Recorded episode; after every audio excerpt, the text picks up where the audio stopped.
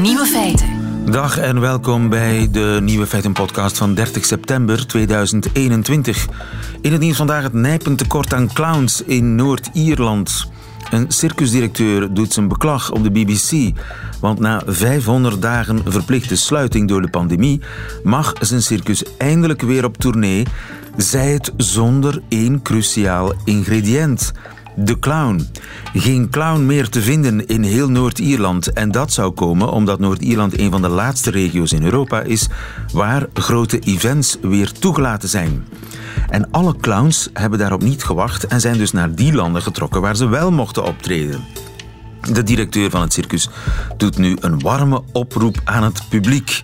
Wie zich geroepen voelt, mag een online auditie doen en krijgt een tijdelijk visum als die door de strenge selectieronde geraakt. Waar is mijn rode neus? De andere nieuwe feiten vandaag. Hoe vuiler de lucht, hoe meer mensen depressief, blijkt uit onderzoek van de onafhankelijke ziekenfondsen. Giraffen die vechten, die houden zich strikt aan de regels van de fair play. En het ogenschijnlijk simpele woordje pas is moeilijk te vertalen. In Vraag het aan Rika vandaag de kwestie van de zeer aanwezige ex van je lief. En de nieuwe feiten van Johan Terrein, die hoort u in zijn middagjournaal. Veel plezier. Radio 1.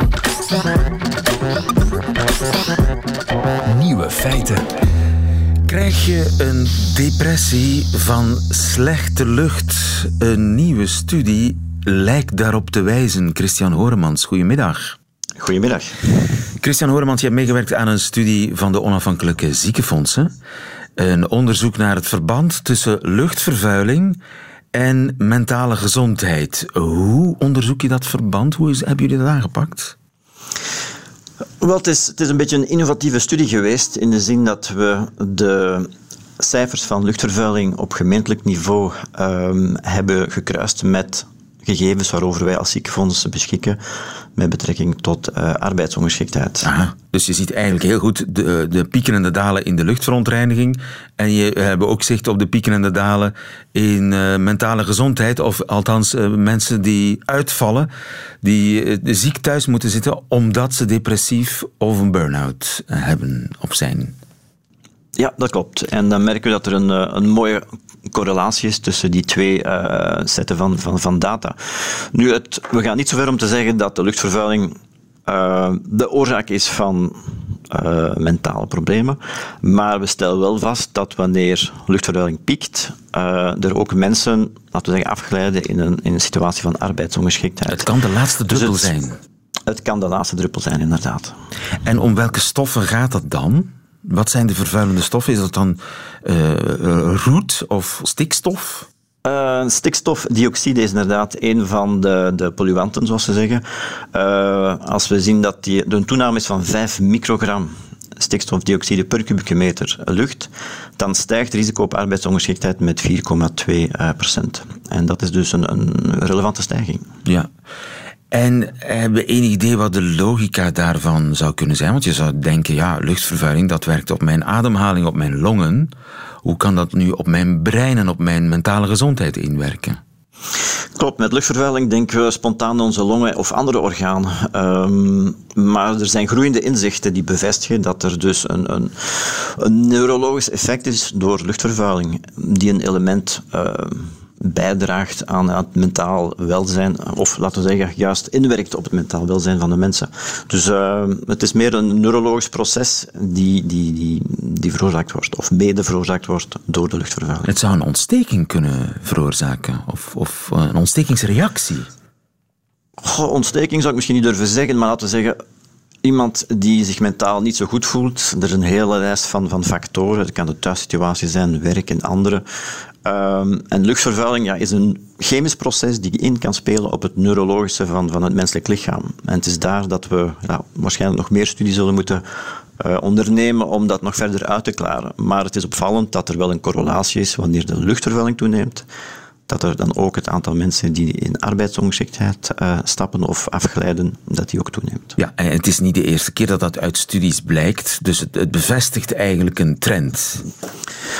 Het bevestigt inderdaad een, een thesis die in het verleden al verschillende keren, uh, waarover verschillende keren gepubliceerd is geweest. En dit is nu een eerste keer dat er op dergelijke schaal in België een gelijkaardige studie gevoerd wordt. En dat bevestigt wat men in andere studies gezegd heeft. Ja, en dat luchtverontreiniging, en nog andere studies eh, wijzen op het verband tussen luchtvervuiling en hart- en vaatziekten. Dus luchtvervuiling gaat veel verder, grijpt veel dieper in op onze gezondheid, zowel onze lichamelijke als onze geestelijke gezondheid, dan je op het eerste zicht zou verwachten. In die studie zie je dan verschillen tussen stad en platteland? Uh, die vaststelling hebben we niet kunnen maken. Dus de data waarover we beschikten uh, lieten niet toe om, om, laten we zeggen, het onderscheid te maken tussen platteland uh, of, en de steden, om dat nader te onderzoeken. Maar het is duidelijk dat in, in grootstedelijk gebied, zoals Antwerpen of Brussel, dat je daar concentratie hebt van, van auto's, van industrie, en dat daar de luchtproblematiek of luchtvervuilingproblematiek groter is dan, dan op het platteland. Uh, maar het is een gegeven dat we hier in deze studie niet nader onderzocht hebben. Ja. En in de zomer bijvoorbeeld is er vaak smogalarm. Eh, zie je dat dan ook in de cijfers van burn-outs en depressies? Klopt. Dat hebben we inderdaad kunnen vaststellen uh, op basis van de data, dat de pieken heviger zijn uh, in luchtvervuiling tijdens de zomerperiodes en dan ook een hogere piek uh, gemaakt wordt in zaken arbeidsongeschiktheid. Terwijl dat in de winter uh, die pieken uh, kleiner zijn, alleszins wat de arbeidsongeschiktheid betreft. Dus het is een fenomeen dat wel een beetje seizoensgebonden is. Ja. Uh, ja, wat er nog maar eens op wijst, hoe belangrijk schone lucht is, hè. Het is dat is geen luxe. Absoluut. En ik denk dat het belangrijk is om deze boodschap vandaag de dag mee te nemen, aangezien dat de Wereldgezondheidsorganisatie vorige week de normen voor luchtkwaliteit verstrengd heeft. Um, en dat Europa binnenkort gaat beslissen of ze al dan niet die strengere normen gaat uh, implementeren in Europa. Dus uh, het lijkt mij een mooie opportuniteit, ook voor ons land, om dat te steunen op Europees niveau, um, zodat we toch kunnen werken aan de onze luchtkwaliteit. Ja, slechte lucht maakt depressief. Of kan althans de laatste druppel zijn om je in die depressie of die burn-out te storten. Christian Horemans, dankjewel. Nog een fijne dag. Fijne dag, dank u. Nieuwe feiten. Radio 1. Als giraffen vechten, dan houden ze zich aan de regels. Fair play is geen loze kreet voor de giraf. Dat blijkt uit nieuw onderzoek. Hans van Dijk, goedemiddag. Hey, goedemiddag, lieven. Gedragsecoloog aan de Universiteit van Louvain-la-Neuve. Ik dacht altijd, giraffen die zijn toch veel te elegant en veel te deftig voor een gevecht. Giraffen vechten. Ja, ja, ja, ja, ja. Dat is misschien niet het beeld dat we hebben als we in de dierentuin op bezoek zijn. Dan zien we ze daar elegant paraderen, een beetje rondkijken vanuit de hoogte, wat neerkijken op ons. Maar nee hoor, ze kunnen best wel agressief uit de hoek komen. En ze hebben schijngevechten, maar ze hebben ook wel echte gevechten hoor. Maar in de natuur zijn echte gevechten waar dat het bloed eruit spat, bij wijze van spreken, schaars. Omdat dat natuurlijk kostelijk is. Niet alleen voor wie verliest, maar ook de winnaar kan best zich wel uh, verwonden. Dus zie je maar dat Hans, ze eigenlijk zijn. Hoe vecht een giraf? Ik kan me dat moeilijk voorstellen. Ik zie ze niet over de vloer rollen met die lange nek. Ze hebben een unieke manier om te vechten en dat is nekworstelen. Ze beginnen met hun nek, die lange nek, tegen elkaar te kloppen. En daar kunnen ze, dat is een heel gespierde massa. Dus als die homp vlees daar in volle fors de andere kant uit gaat en ze knallen tegen elkaar, dat kan best wel aankomen. Het is echt een soort equivalent van armworstelen, maar dan met heel die nek dat ze elkaar flinke slagen toedienen. Ja, ik heb En hier dat kan heftig gaan. intussen op YouTube inderdaad een filmpje gevonden. En ik moet zeggen, dat ziet er nog altijd zeer beschaafd en zeer elegant uit. Dat is, lijkt wel een ballet van Wim van de Keibus. Ja, ja, ja, het klopt. Het is alleen maar heel af en toe dat het echt wanneer twee alfamannetjes of kandidaat alfamannetjes, oudere mannetjes die dominant zijn, als die het pad kruisen en wanneer het echt tot een gevecht komt, dan kan het heel sterk en intensiever aan toe gaan. Maar meestal hebben we, en die studie nu heeft zich meer gefocust op de fase daarvoor en dat is meer ritueel gedrag.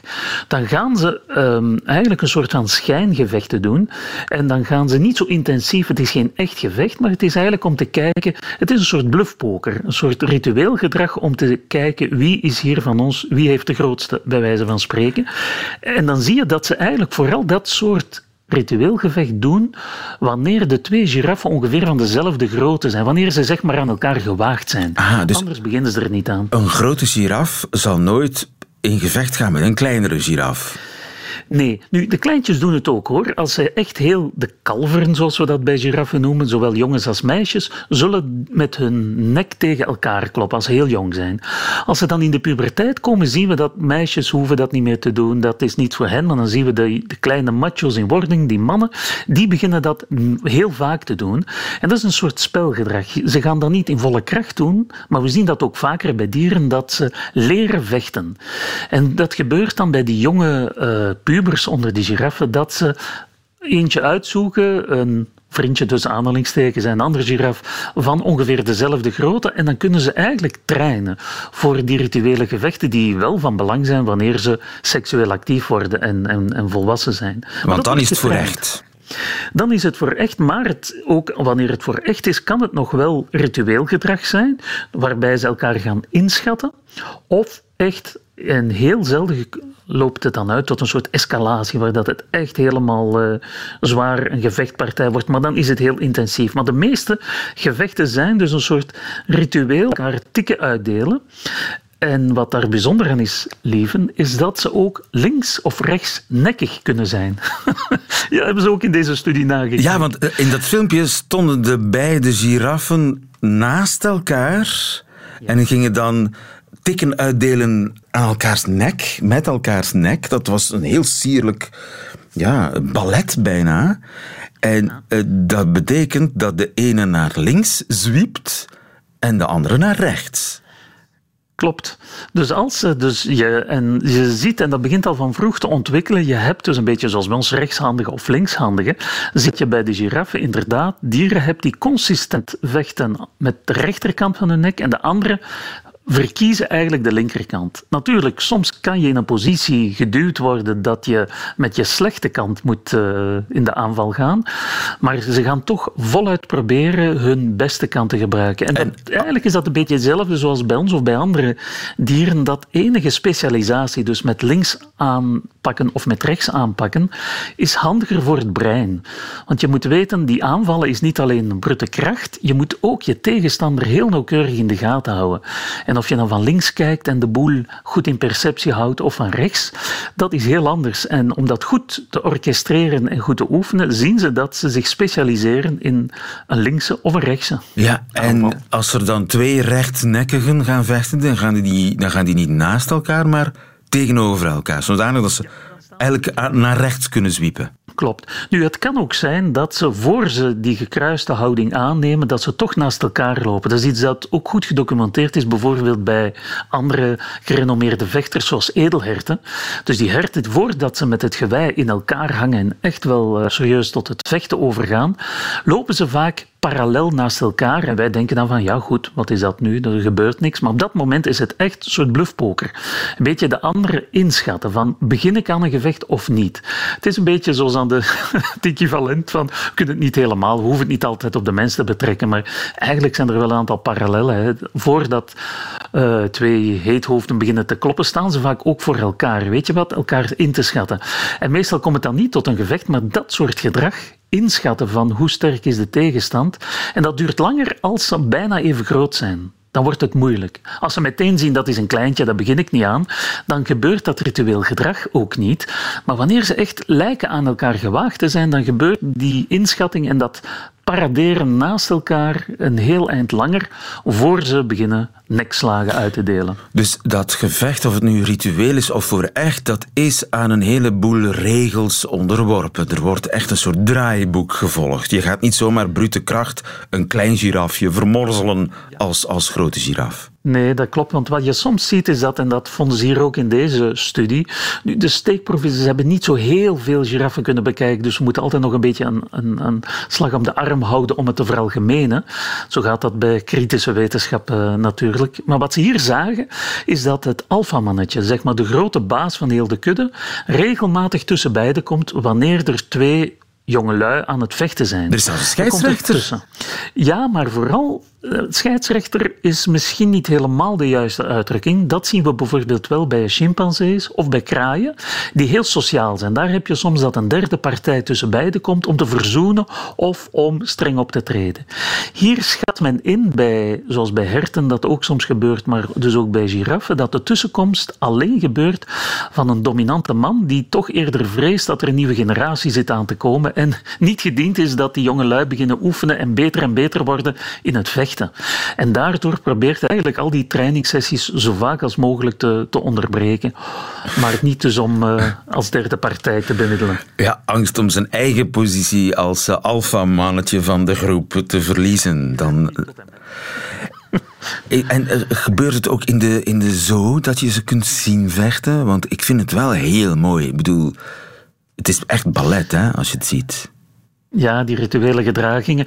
Wellicht gebeurt het sporadisch, maar natuurlijk in dierentuinen moet men oog houden dat de sociale structuur die er is, van hoeveel mannetjes en zeker van dezelfde leeftijdscategorie en zeker ouderen, ja, die worden dan vaak naar andere dierentuinen gebracht. Eén, voor de kweekprogramma's, maar twee, natuurlijk om te vermijden dat de rivaliteit te, te groot wordt, want dan kunnen ze inderdaad wel uh, blessures open en wordt het ook voor de, de verzorgers soms wel wat pittig werken met die dieren als de rivaliteit te groot wordt. Dus dat moet men toch wat in de gaten houden in de dierentuin. Ja, ik ga dus eh, op zoek op YouTube naar nog meer filmpjes van uh, vechtende, zeer elegant en georganiseerd, uh, ritueel vechtende giraffen. Hans van Dijk, goedemiddag. Dag.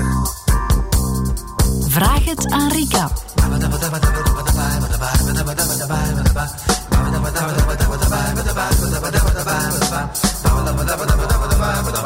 Post voor Rika. Goedemiddag, Rika Ponet. Dag, lieven. Veerle uit Lennik schrijft... Beste Rika, mijn hele leven lang ben ik al single. Maar 18 maanden geleden heb ik besloten om via internetdating een ultieme poging te wagen. En kijk, het is warempel gelukt. Ik heb de ideale man ontmoet. Op mijn 45ste heb ik mijn eerste echte lief. Het gaat werkelijk prima, maar ik maak mij zorgen over zijn ex-vrouw. Twee jaar geleden zijn ze als vrienden uit elkaar gegaan na 21 jaar huwelijk. Ze hebben twee kinderen samen, 18 en 20. En speciaal voor hen wil hij goede relaties onderhouden met zijn ex-vrouw. Want hij is zelf ook kind van gescheiden ouders. En die wilden niet met elkaar praten. En dat wil hij absoluut zijn eigen kinderen besparen. Dat begrijp ik, maar soms heb ik het gevoel dat ik maar op de tweede plaats kom. Op zijn verjaardag bijvoorbeeld mag ik hem niet zien, want dan komen de kinderen met hun moeder eten. Speelt er nog iets tussen hem en zijn ex? Hij zegt van niet. Natuurlijk zal ze als moeder van zijn kinderen altijd een plaats hebben in zijn leven, maar ik wil geen tweede viool spelen. Hoe doen andere mensen dat? vraagt Veerle uit Lennik. Rika, hoe doen andere mensen dat? Altijd moeilijk. Hè? Dat zijn ook dingen die, ik versta dat ook, heel veel pijn doen. En ik vind dat in dit verhaal, als ik daar zo heel spontaan op reageer, um, denk dat veel mensen vinden vanuit de moraliteit van hoe je goed handelt in relaties, dat die man het goed aanpakt. Ik vind dat hij zich heel egoïstisch gedraagt als ik, uh, als ik dit verhaal hoor. Die man gedraagt zich egoïstisch? Ja. Hij heeft een nieuwe partner leren kennen. Hè. Um, en, 48? Ja. En haar eerste grote liefde. Echte gefeliciteerd, ja. hè, Veerle? Ik bedoel, hè, op, op je 48e nog de man die ja, daar is eerste man, eindelijk. daar is hij dan daar eindelijk. Is, daar is hij dan eindelijk. Ik vind dat ze zich nog uh, heel genuanceerd ook gedraagt in haar brief. Hè, of het, ze het heel genuanceerd omschrijft. Um, uiteraard verwacht je op die leeftijd dat mensen uh, bagage hebben. Hè, dat, uh, dat er wel wat uh, andere engagementen en loyaliteiten mee het verhaal gaan bepalen. In dit verhaal nu een ex en kinderen. En um, prima hè, dat hij die relatie goed wil houden. Hè, dat, dat, dat klinkt allemaal ook heel aannemelijk en heel mooi zelfs. Um, maar de wijze waarop, ja, ook dat ervaar ik een beetje als ehm, een heel eenzijdige manier van de andere, of van op te leggen ehm, hoe een relatie er moet uitzien en wat de plaats van die andere is. Ik versta dat zij zich tweede viool voelt, want zoals hij het hier gespeeld heeft, is ze ook tweede viool. Hè. Ehm, ze heeft er eigenlijk niets tegen in te brengen, of ze kan er niets tegen inbrengen. en zo'n verjaardag vieren is toch iets heel symbolisch. Hè. je kiest ervoor om je verjaardag te vieren met de mensen die je belangrijk vindt in je leven. Ik begrijp dat hij dat wil doen met zijn kinderen. Ehm, dat het dan bijna, zoals het dan misschien in het verleden ging, niet anders kan dan dat dat dan ook met die ex-partner is. Maar dan zomaar zeggen tegen die nieuwe partner, jij hoort daar nu niet bij en dat is mij veel te complex om jou daarbij te betrekken, dus jij doet niet mee met het verhaal. Um, Eigenlijk is het afschuwelijk. Dat is een afschuwelijke Aan de andere kant kun je zeggen, natuurlijk, ja, zij zitten in een andere fase. Zij is op dit moment 18, hè? Zij wil eh, romantiek, zij wil kaarslicht. Ja. Hij, vermoed ik, is uh, eerder uh, richting 50 of rond de 50. Is die fase al voorbij? Uh, ik denk dat, dat leeftijd daar niet zoveel te doet, leven. Dat gaat erover, het is een andere relatiefase hè, waarin ehm, ze op dit moment zitten. Dan, maar sowieso heeft hij daar ook voor gekozen. Ik ga ervan uit dat hij ook verliefd is op haar, dat hij opnieuw met haar begonnen is. Um, het gaat erover, um, geef ik haar een echte plaats in mijn leven en erken ik haar als de partner waar ik vandaag voor gekozen heb. Dus en dat is als niet die, die kinderen komen eten op de verjaardag, moet niet die ex erbij, maar de nieuwe partner. Maar die nieuwe partner. Of je erkent op zijn minst naar die nieuwe partner toe hoe moeilijk dit is. Ik zeg ook niet dat hij dat moet doen. Wie weet vinden zijn kinderen het dermate belangrijk en heeft hij vanuit zijn schuldgevoel dat hij ook deels heeft, omdat hij zelf in zo'n context is opgegroeid. Ehm, dat heeft daar zeker een hele belangrijke rol in gespeeld kan hij bijna niet anders voor zichzelf dan die keuze te maken. Ik doe dat nu met mijn kinderen en met mijn ex-partner. Maar op zijn minst erken je dat naar de anderen toe. Want daar begint dat eigenlijk mee. Ik besef dat wat ik nu doe, dat dat niet zo evident is voor jou. Dat dit dat dit mogelijk veel pijn doet, maar zie het niet als een afwijzing van jou. Uh, ik kies voor jou, ik vind jou fantastisch.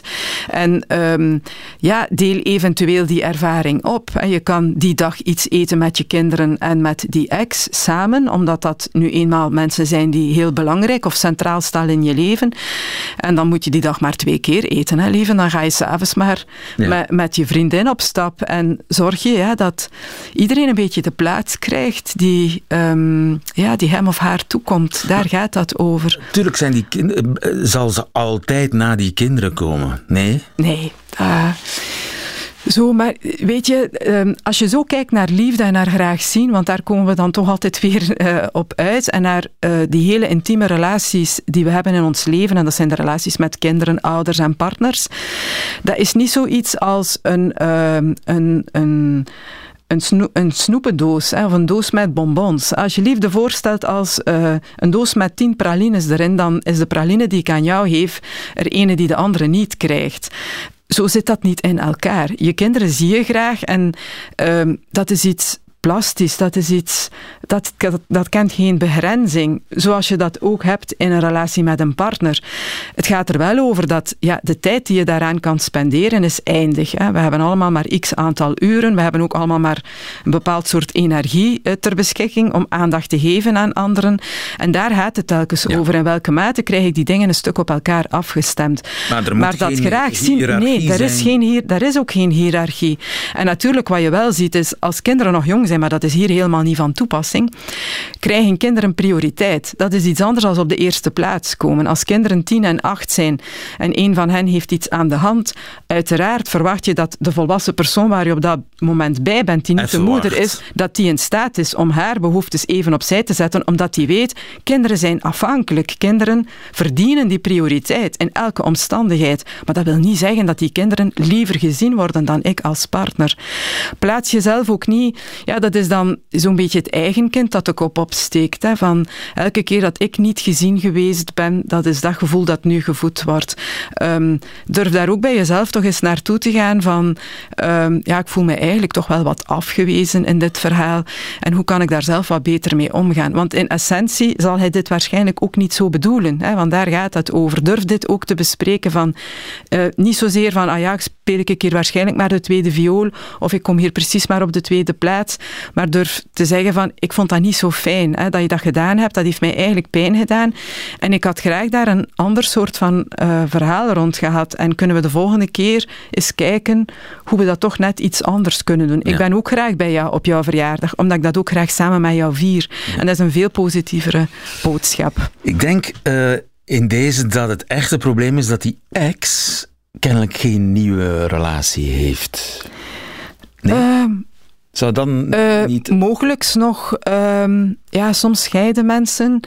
En uh, ja, zijn ze toch nog samen. Hè? Ze wonen dan elk op een ander adres. En omdat het samenleven niet zo aangenaam meer was, of men zichzelf op een bepaald aantal domeinen een nieuwe kans in het leven wou geven. Maar zie je dat de eerste relatie of de eerste verbindenis toch nog in die relatie zit. En dat kan hier ook het geval zijn. Dat zie ik ook wel. Dan, dan komt er een nieuwe relatie, maar is dat zo'n soort van satellietrelatie? En is de eerste verbinding toch nog altijd die ex-partner? En misschien uh, is dat hier ook wel aan de hand. Ik ja. hoop dat uh, de dingen duidelijker zijn geworden voor Veerle uit Lennik. Heeft u zelf een vraag voor Rika? Onze deuren staan wagenwijd open. Dankjewel, Rika. Graag gedaan. Nieuwe feiten. Radio 1. Altijd benieuwd. Pas, het lijkt een simpel woord, pas, maar het zit vol valkuilen. Dat beweert taalkundige Mark van Oostendorp. Goedemiddag, Mark. Goedemiddag. Is pas een pijnwoord voor anderstaligen?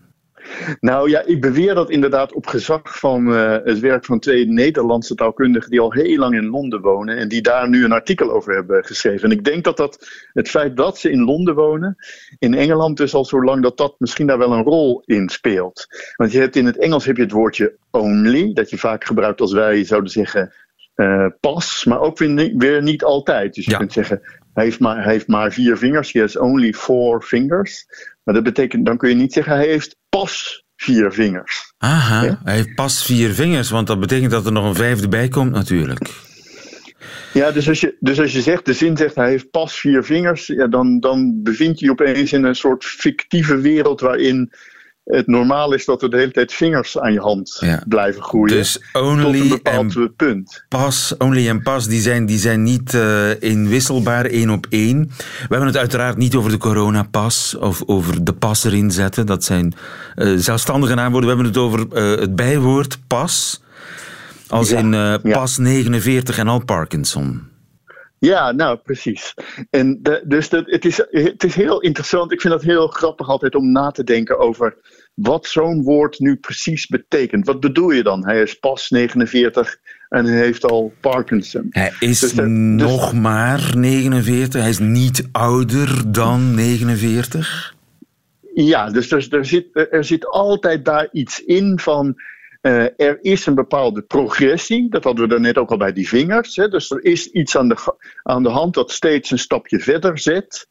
Maar, ja, wat betekent het? Het is, hij is nog niet, het is nog niet zo ver als je eigenlijk zou verwachten. Hij is pas 49, betekent dat is wel een beetje jong om. Uh, maar dat moet je wel uh, weten. Dat moet uit de context blijken, want het kan ook het omgekeerde betekenen, eigenlijk in principe. Als je zegt, het, ja, een van de, het water is pas 20 graden, ja, dan weet je niet of, ja, het, of het, het, water aan het afkoelen dan wel aan het uh, opwarmen is, toch? Nee, en sterker nog, het betekent in die twee contexten iets anders. Dus als je water aan het koken bent en je zegt na een uur het is pas 20 graden, dan bedoel je het had nu toch wel inmiddels iets warmer mogen zijn. Als je dan het smelten bent en je zegt het is pas 20 graden, dan betekent, dan betekent het het had eigenlijk wat la ik had het eigenlijk wat lager uh, ja. verwacht. Dus maar in allebei de gevallen zit er die progressie in. Van, uh, het gaat een bepaalde richting op. En uh, we zijn een beetje ja, teleurgesteld, zit er vaak denk ik wel in, in hoe, hoe, hoe, ja, hoe, weinig stappen we nog maar hebben gezet in die, in die progressie. Ja, en dat is voor de en, anderstaligen een probleem. Ja, de, het is een probleem omdat eigenlijk als wij daar zelf over gaan nadenken, dan begin je al te beseffen hoe, subtiel dat eigenlijk is. Hoe, hoe, um, dus wat, het dan precies betekent. Ik denk een aardig um, vergelijkingsmateriaal is het woord al. Dat op een bepaalde manier het omgekeerde is. Dus hij, hij is al 49.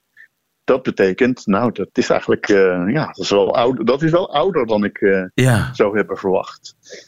Of neem een reis, dat vind ik een, dat vind ik een fijn voorbeeld. Dus we gaan, we gaan op reis. We reizen van eh, Brussel naar Amsterdam. En ehm, dus eh, jij komt van Brussel naar mij in Amsterdam. En op een bepaald moment bel je mij op en je zegt: Ik ben pas in Roosendaal. Dat betekent, ja, ik had eigenlijk op dit moment wel iets verder eh, onderweg willen zijn. Juist, ja. Niet verder Je dan zeggen, ik, Roosendaal? ben al, ik ben al in Roosendaal. Dan is dat ver, verheugend snel dat je, dat je daar al eh, bent. Nou is het ook zo dat je. Het is, het, is heel, het is heel subtiel. Je kunt niet zeggen. Ik ben pas in Brussel. Je kunt mij niet opbellen en zeggen: Ik ben pas in Brussel. Je komt Brussel niet uit. Dan kun je niet zeggen: Ik ben pas in Brussel. Er moet een beweging dat- aan de gang zijn. er moet, er moet al wel wat beweging zijn geweest. Ehm, je, je kunt ehm, eh, ook niet, natuurlijk ook niet zeggen: Ik ben pas in Amsterdam als je aangekomen bent. Want ja, dan ben je aangekomen. Dan ben je net in Amsterdam. Eh. ik, ben pas, ik, ben, ik ben pas in Amsterdam. Nog maar net aangekomen. Ja. Dat is nog Met- iets met anders. Nog, met, precies, met nog weer een iets andere betekenis kun je wel zeggen: ik ben, ik ben pas in Amsterdam. En nu kom ik opeens iemand tegen. Maar ja, dan, dan, dan gaat het dus over een andere context dan dat je je nu nog bericht over de voortgang in je, in je reis. Dus dat is een Je totaal andere zeggen- pas dan die we gebruiken. Ja. ja, maar je kunt wel zeggen, ik ben al in Amsterdam natuurlijk. Hè? Want ik ben nu al, ik ben al, ben al in Amsterdam. Ehm, terwijl je nooit kunt zeggen, ik ben al in Brussel. Ja, het, is- dus het is zo ontzettend verwarrend. Dus je kunt niet zeggen, ik ben pas in Brussel. Je kunt niet zeggen, ik ben pas in Amsterdam. Je kunt ook niet zeggen, ik ben Je kunt wel zeggen, ik ben pas in maar je kunt wel Amsterdam. zeggen, ik ben al in Amsterdam. Je kunt wel zeggen, ik ben pas in Brussel. Ik ben namelijk pas, ik ben pas net één minuut geleden aangekomen. Dan kun je dat wel zeggen. Kijk, Het is onmogelijk dus uit te leggen. het eigenlijk Het is- al moeilijk om uit te leggen aan jou. Als moedertaalspreker vind ik dat al moeilijk. Nu, nu gaan we proberen om dit uit te leggen Aan aan iemand Engelstalige. die daar niet het taalgevoel voor heeft. Vanzelf. Hè, die daar niet in geboren is. Nederlands Ja, leren, begin er niet aan. Begin er niet aan. Nee, ik ben al heel lang Nederlands aan het leren en ik heb pas het woord al geleerd. Eh, zoiets. Inderdaad, eh, Nederlands, het is eh, een hele moeilijke taal om te leren. En het venijn zit heel vaak in van die hele kleine, op het eerste gezicht, makkelijke Ik wil, woordjes. ik, wil nog, ik wil nog één voorbeeld geven dat, ik wel, dat ik ook nog wel heel fijn vind. Dat zijn voorbeelden zoals, dat is pas lekker. Ja, Eh, dat is pas een Hè? verrassing. Want dat is pas een verrassing. En dat, dus daar zit, dus als je daarover, want dan denk je, ja, zit daar nou ook een, eh, is dat nou ook een reis? Maar ik, denk dat daar inderdaad voor je gevoel wel een soort reis in zit. Dus dat betekent, we hebben nu allerlei dingen gezien na elkaar. En dit was eigenlijk geen verrassing. En dat was ook geen verrassing. En dat was geen verrassing. En nu zien we iets. En dat is pas een verrassing. En dus nu zijn we pas op het moment dat we een verrassing tegenkomen. Voor mijn gevoel zit dat er dus ook in. Dus Er zit altijd een, een reis eigenlijk altijd in. een, een reis. Ja, ja. Ja, dus als je zegt, dat is pas lekker, dan heb je heel lang heel, lekker. heel eh, ja, smakeloze dingen geproefd. En dan bij soep nummer 8 zeg je, dat is pas lekkere soep. Het is dus niet alleen Ja. een versterkend, heel erg lekker, maar ook ja, in vergelijking met vele vergelijking anderen. met alles. Ja, vergelijking met eerdere, ding, met eerdere dingen. En je zei aan het begin terecht, we hebben het alleen maar over dat bijwoord pas. Maar dit heeft natuurlijk uiteindelijk ook iets te maken met dat zelfstandig naamwoord pas. Van ik zet een pas, ik zet een stap. En, Je zet er de pas eh, in. Ik, je zet er de pas in, dan gaat het snel. Maar een pas is juist natuurlijk eigenlijk meestal een klein stapje, Een stapje. alleen maar. En het grappige is dan weer dat het Frans heeft natuurlijk ook een bijwoord pas. Ehm, Dat is helemaal pas. anders, hè, Mark? Nee, maar het komt, het, komt, het komt van dezelfde bron. Dat komt Ah. ook van, ik, dat betekende ooit, dus hij loopt geen stap. Eh, hij, zet, hij zet geen pas. En dus in het Frans is het een ontkenning geworden. En in het Nederlands is het een, een woord geworden dat ja, een bijna niet uit te leggen betekenis heeft. We hebben het toch geprobeerd. Mark van Oostendorp, dank daarvoor. Nog een fijne dag. Oké, dag. Nieuwe feiten. Dat waren ze, de nieuwe feiten van 30 september 2021. Alleen nog die van Johan Terrein moet u hebben. En u krijgt ze in zijn middagjournaal. Nieuwe feiten. Middagjournaal. Beste luisteraar, noem mij een watje. Maar het overkomt mij steeds vaker dat ik op onbewaakte momenten compleet overvallen word door ontroering. Mensen die tegen zichzelf praten kunnen mij bijvoorbeeld mateloos ontroeren. Dan sta ik in de supermarkt te kiezen welke vorm van pasta ik mee naar huis wil nemen, de strikjes of de schelpjes of toch de spiraaltjes, en dan zegt er zo'n man die ik niet eens had opgemerkt, plots naast mij: Heb ik nu alles? Heel even denk ik dan dat ik moet antwoorden, maar dan gaat het verder. Ah ja, tuurlijk, nog olijfolie. Of nee, we nemen geen chocolade mee. Dan begrijp ik wat er gaande is en overvalt me de ontroering. Het maakt niet uit of ik hier nu ben of niet. Deze man praat tegen zichzelf. Dat doet me wellicht aan mijn vader denken, die eender welke kamer kon binnenkomen en zich luidop kon afvragen wat hij daar nu weer kwam doen. Als ik dan in die kamer zat, kon ik ook even het gevoel krijgen dat ik hem moest antwoorden. Voor mensen die tegen zichzelf praten, vinden ze binnenkort in de supermarkt de zelfkletskassa uit, waar je zelf afrekent terwijl je een praatje maakt met jezelf. Wat ik ook heel ontroerend kan vinden, zijn goede bedoelingen die de mist ingaan. Ik denk nu aan die geschilderde drop-off vakjes voor elektrische steps. Om te vermijden dat die steps achterloos dwars over de stoep worden achtergelaten, heeft iemand onlangs het idee gehad om van die nette vakjes te schilderen op de stoep, waar die steps dan precies in passen. Ik kan dat heel aandoenlijk vinden als ik dat soort drop-off zones de hele tijd leeg zie staan. Ik stel me dan de ontgoocheling voor op het gezicht van die iemand die dat geschilderd heeft, als die daar dan voorbij wandelt en dat ziet, en een beetje verderop ook nog over een verdwaalde step struikelt. Wat mij een paar maanden geleden nog het meest heeft geraakt, is toen ik werd geblokkeerd door het automatisch toegangspoortje in de grote doe-het-zelfhandel. Dat wou zich niet voor mij openen als ik geen karretje nam. En een karretje kon ik niet nemen zonder muntstuk en een muntstuk had ik niet op zak. Het personeel was onverbiddelijk en liet me niet binnen.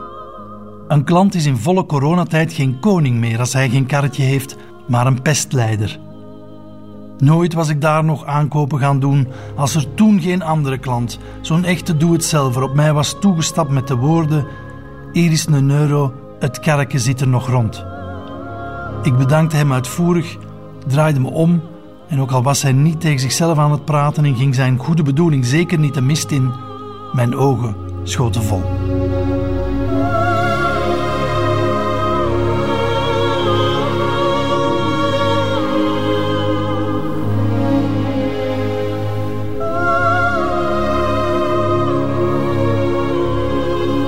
Veel mensen deugen.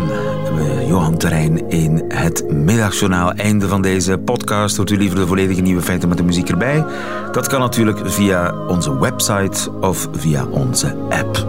Die van Radio 1 bedoel ik. Tot de volgende keer.